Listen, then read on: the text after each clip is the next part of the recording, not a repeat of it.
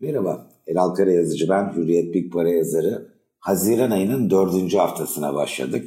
Dört buçuk haftalık diyelim çünkü önümüzdeki haftanın ilk iki günü de Haziran'da e, kayda geçecek. Sakin bir açılış var. E, varlık fiyatlarında çok önemli bir değişiklik gerçekleşmiyor. Bir parça altın öne çıkıyor. 1752 dolardan işlem görüyor. Son zamanların e, en yüksek değerlerinden bir tanesi. Ve hemen altınla ilgili bir değerlendirmeyle e, konuya girelim. Borsa endekslerinin aşağıya doğru esnediği yurt dışında, Türkiye ayrışıyor çünkü. Amerikan tahvil faizlerinin yine aşağıya doğru esneme gösterdiği bir ortamda altın yeniden sıçrama yapabilir mi merak ediliyor. Mümkün ancak ben altında iki senedir süren bir yükseliş trendi var. Ee, çok büyük bir prim kaydetti. Kabaca 1175 dolar civarındaydı Ağustos 2018'de. Şimdi 1752 dolara geldi.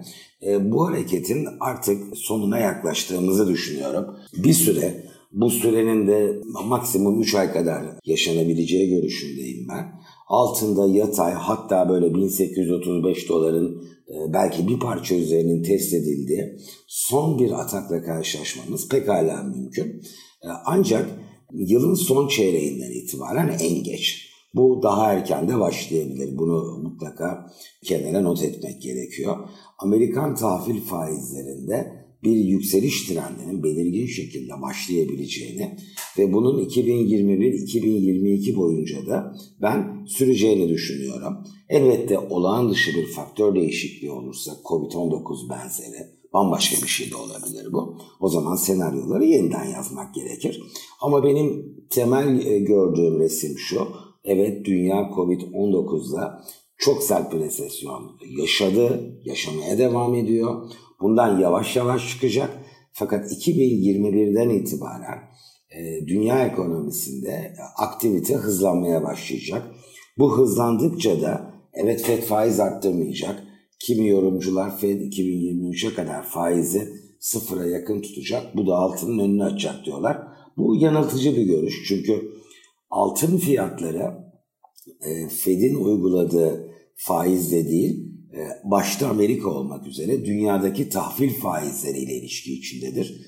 Tahvil faizleri yukarıya gittiği zaman bu altın için e, genelde bir problemdir. Neden? Rakibi, alternatifi ve sağladığı ödül yükseliyor. E, bu, bu nedenle genelde biz tahvil faizlerinin yukarıya gittiği parelerde altının e, dünyada değer kaybettiğini görürüz. İşte 2021-22 hatta 2020'nin son çeyreğinden itibaren ben tahvil faizlerinde e, böyle bir hareketin başlayacağını ve Fed'in o 2023'te başlatacağı faiz artırım döngüsünün öncesinde fiyatlanmaya başlayacağını düşünüyorum. İşte bu süreç içerisinde de biz altında negatif bir trendle karşılaşabiliriz. Ne kadar değer kaybedebilir? Velev ki gerçekleşti bu tahmin. 2021 ee, yılında ben 1500 dolara, 2022 yılında da o Fed'in faiz arttırım döneminin iyice yaklaştığı bir takvim kesitinden bahsediyorum. 1350 dolara kadar altında bir gerileme yaşanmasının mümkün olduğunu düşünüyorum.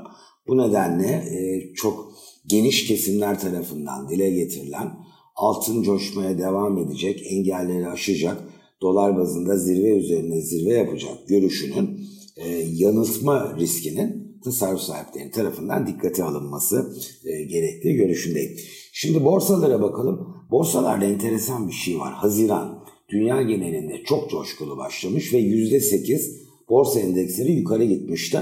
Türkiye buna %4.3'te daha kalender bir katılım göstermişti. Fakat Haziran'ın ikinci ve üçüncü haftasında dünya borsaları bu kez ortalama %5 kadar değer kaybı yaşarken Türkiye net bir şekilde pozitif ayrıştı ve bu perdeyi %3,5 kadar e, değer artışıyla tamamladı e, ve o Haziran'daki negatif ayrışmanın ilk haftasındaki yerine ikinci ve üçüncü hafta pozitif bir ayrışma aldı. Şimdi Haziran'ın dördüncü haftasında dünya yatay, kararsız, yön arıyor. E, Türkiye henüz biz bu kaydı alırken açılmadı. Bir parça daha ama pozitif ayrışmayı sürdürme şansı var. Özellikle Cuma günü bankacılık endeksine gelen alımların devam edip etmeyeceği bence Türkiye'nin ayrışmayı sürdürüp sürdüremeyeceği sorusuna da e, yanıt getirecek karşımıza. Dünya genelinde bir süre bu bir iki hafta olabilir. Yatay veya ılımlı negatif yönde seyirlerin geride bıraktığımız iki hafta gibi yaşanması sürpriz olmaz. Ancak en geç e, ben böyle 6 Temmuz'la beraber başlayacak haftadan itibaren yavaş yavaş gözlerin Temmuz ortasında gerçekleştirilmesi beklenen Avrupa Birliği Liderler Zirvesi'ne e, çevrileceğini düşünüyorum.